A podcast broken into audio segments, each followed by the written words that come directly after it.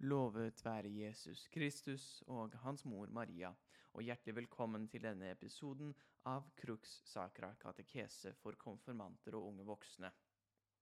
Det er lenge siden sist nå, så hjertelig velkommen tilbake. Vi avsluttet forrige episode med å snakke om himmelen, det salige syn, synet av Gud, og de andre belønninger som de rettferdige mottar. De rettferdige i himmelen kalles også for helgener og vi har nevnt dem mange ganger i løpet av katekesen. Men hvem er de egentlig? Det er dette og andre spørsmål vi skal svare på i dag. Så hva er en helgen? En helgen er en person som lever med Gud i himmelen. Det vil si at det ikke bare er mennesker, men også engler som kan kalles helgener. Det eneste kriteriet er at de bor i himmelen sammen med Gud, hvor de lovpriser ham.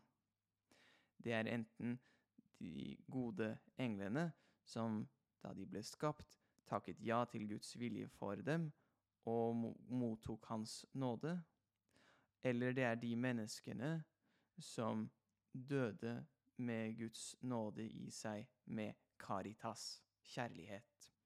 Vi husker at de guddommelige dydene, de teologiske dydene, var tro, håp og kjærlighet. Tro er dyden hvorved vi tilslutter oss Guds åpenbaring fordi vi stoler på ham. Håp er dyden hvorved vi har tillit til Guds godhet og evne til å frelse oss.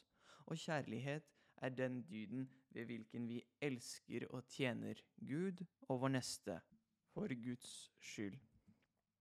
En som dør med alle tre teologiske dydene med tro, håp og kjærlighet, vil komme til himmelen og bli en helgen, om så gjennom skjærsilden. Har målet for livene våre noe med helgenene å gjøre? Ja, alle menneskers mål og Guds vilje for dem alle er at de skal bli helgener. Og hvordan blir man en helgen? Man blir en helgen ved å leve i samfunn med Guds helge, i tro handling og sakrament. Det gjør man ved å tro alt hva den katolske kirke lærer, leve et liv i kjærlighet mot Gud og sin neste, søke vekst i alle dydene, adlyde de ti bud og de andre budene som Gud eller kirken pålegger, leve trofast i sin stand om man er gift, geistlig eller i ordenslivet, og å fylle pliktene som den standen medfører, ved å gå til messe på søndager og helligdager, ved daglig bønn og ved å leve i sakramentenes nåde, regelmessig skriftemål og kommunion. Og kan man gjøre noe av dette av seg selv? Nei. Alt, alt som gjør en hellig, er ufortjent. Guds frie gave som han gir, ikke fordi han må, men fordi han vil. I alt må man huske på hvor liten og hjelpeløs man er, og at det ikke er ens egen fortjeneste som helliger en, men Gud, til hvem man skal sette all sin lit. Er det da umulig å bli en helgen? På ingen måte. Alle mennesker har muligheten til å bli helgener, og de hjelpes av Gud for å oppnå det. Gud gir til enhver den nåden han trenger. Kan hende at det er krevende å bli en helgen. Det kan være på en måte fordi det er vanskelig å legge av seg synd og last. Men på en annen måte er det å bli helgen det enkleste i verden, fordi det er å hengi seg fullstendig til Gud, og gi avkall på den uroen som kommer ved å ville styre seg selv, nemlig ved å hvile i Gud og være tilfreds med at Hans vilje skjer, og at det er godt. For Kristus var korset både det vanskeligste og det enkleste han gjennomgikk her på jorden. Vanskeligst fordi det medførte den største lidelsen et menneske har lidd, men det enkleste fordi han gjorde det av ren kjærlighet, og fordi det var hans Faders vilje. Kjenner vi til noen helgener? Ja, vi vet om tusenvis av helgener, både engler og mennesker som lever med Gud i himmelen i dette øyeblikk. Hva kalles de helgener som er kjent for kirken på jorden? De kalles for kanoniserte helgener. Kanon betyr regel, så en kanonisert helgen er en helgen som har blitt anerkjent som helgen etter en regel. Og hva er denne regelen, og hvordan vet vi at den stemmer? Regelen kirken bruker, heter kanonisering, og vi vet at den stemmer fordi kirken er ufeilbarlig. Kanonisering er en prosess som undersøker et menneskes liv og ser etter heltemodig dyd i deres ord og handling. I tillegg til disse dydene må det påvises at deres forbønn i himmelen har virket mirakler på jorden. Det er reglene i dag, men de har forandret seg i løpet av kirkens historie. Kanoniseringer er ufeilbarlige fordi kirken der erklærer et menneske for å være hellig, slik at de kan hedres og bes til som en av Guds hellige. Kirken kan ikke fremme hederen av noe eller noen som ikke er hellig. Altså er kanoniseringer ufeilbarlige. Finnes det noen helgener som vi ikke vet om? Ja, det er de som kom til himmelen, men som levde liv i det skjulte, eller slik at menneskene aldri fant ut om deres salighet. De er ikke kanoniserte, men de er i himmelen, og vi ærer dem på allehelgensdag, 1. november. Da ærer vi også alle englene i himmelen som vi ikke kjenner navn på, også våre skytsengler. Alle mennesker, til og med de udøpte, har nemlig en skytsengel som passer på dem. Antallet ukjente helgener er trolig mange ganger større enn antallet vi kjenner til. Hva er navnene på noen av helgenene vi kjenner til? Den første og største av alle helgener er Maria Guds mor, den høyeste og herligste av alle skapninger på grunn av sin plettfrie unnfangelse, at hun var Guds mor, på grunn av hennes dyder og forening med Vår Herres lidelser og hennes herlighetsfulle opptagelse i himmelen. Hennes husbond, Josef, er også blant de største helgenene. Av englene kan vi bare navnene på tre, nemlig tre erkeengler. Mikael, fyrste over de himmelske hærskarer, Gabriel, inkarnasjonens engel, og Rafael, helbrederen og reisefølget. De hellige patriarkene og profetene fra Det gamle testamentet, som for eksempel Abraham, Noah, Moses og David, Elia, Daniel, Jesaja og Jeremia, samt hellige kvinner som Sara, Miriam, Deborah, Ruth, Judith og Ester, er også helgener fordi de avventet og forutsa Vår Herre og levde etter Guds lov. Deretter er alle apostlene bortsett fra Judas Iskariot, helgener. Peter og Paulus, Andreas, Jakob, Johannes, Thomas, Jakob, Philip, Bartolomeus, Matteus, Simon og Tadeus. Disse navnene kjenner vi igjen, eh, kanskje, fra messen, for disse er de første tolv som presten nevner hvis han ber den første eukaristiske bønn, for han ber om forbønn fra de hellige apostlene og martyrer.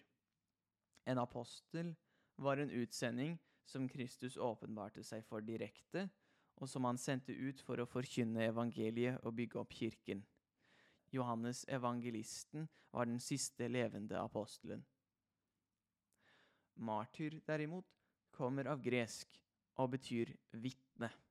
En martyr er en som dør for troen, og slik blir et vitne for de troende og for verden. De fleste av apostlene ble også martyrer. Martyrene er noen av de største helgenene vi kjenner til.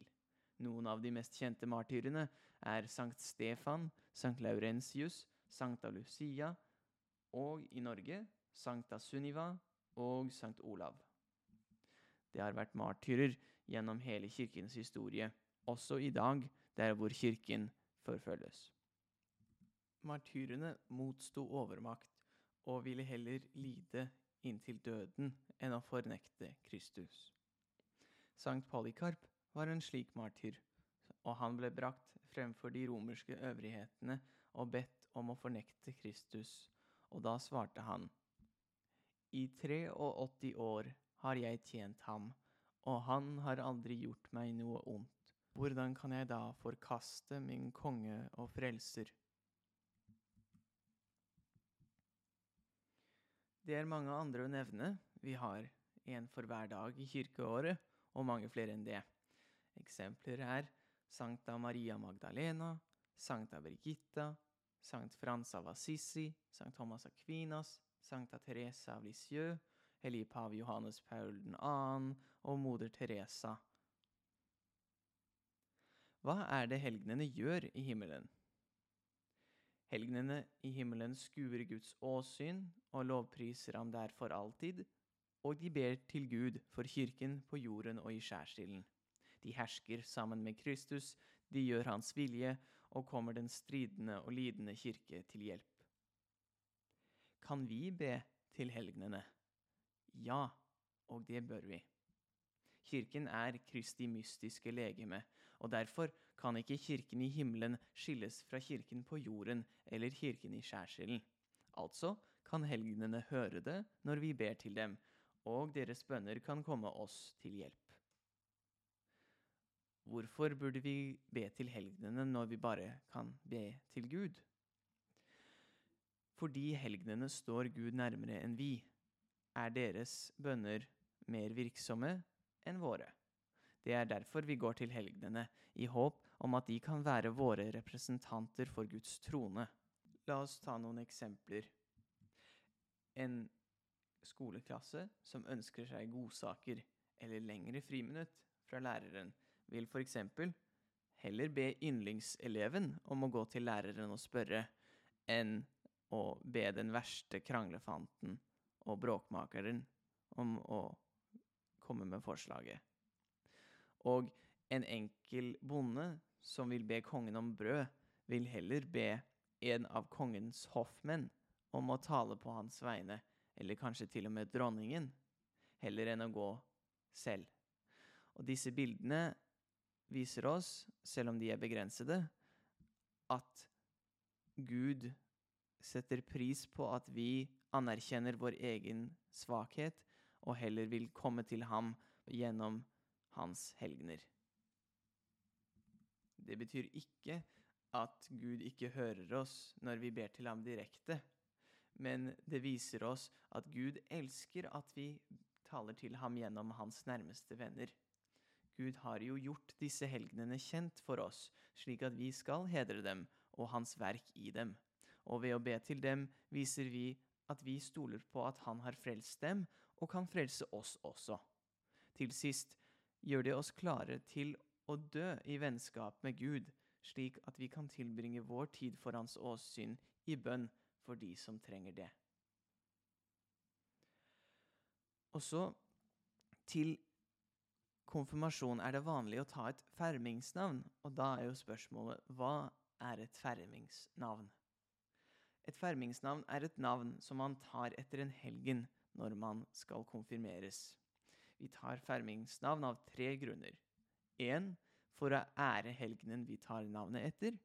To for å oppnå denne helgenens forbønn for oss. Og tre for å ha et forbilde og en venn i himmelen vi kan rette oss etter. Tenk over om det er en helgen du er glad i, og snakk med foreldrene dine eller en prest og hør om de har noe forslag, eller du kan undersøke på egen hånd for å finne ut hvilken helgen du vil ta navnet etter. Hvis du allerede er konfirmert, glem ikke å be til helgenen du bærer navnet til, og glem ikke å følge deres eksempel, så du en gang kan møte dem i himmelen. Jeg takker for at dere lyttet til denne episoden av Crux Sacra katekese for konfirmanter og unge voksne, og jeg håper at dere lytter neste gang. Da vi har en så stor sky av vitner omkring oss, så la oss legge bort alt som tynger, og synden som så lett henger seg på oss, og holde ut i det løp som er lagt opp for oss, med blikket festet på ham som er troens opphavsmann og fullender, Jesus. I Faderens og Sønnens og Den hellige ånds navn. Amen.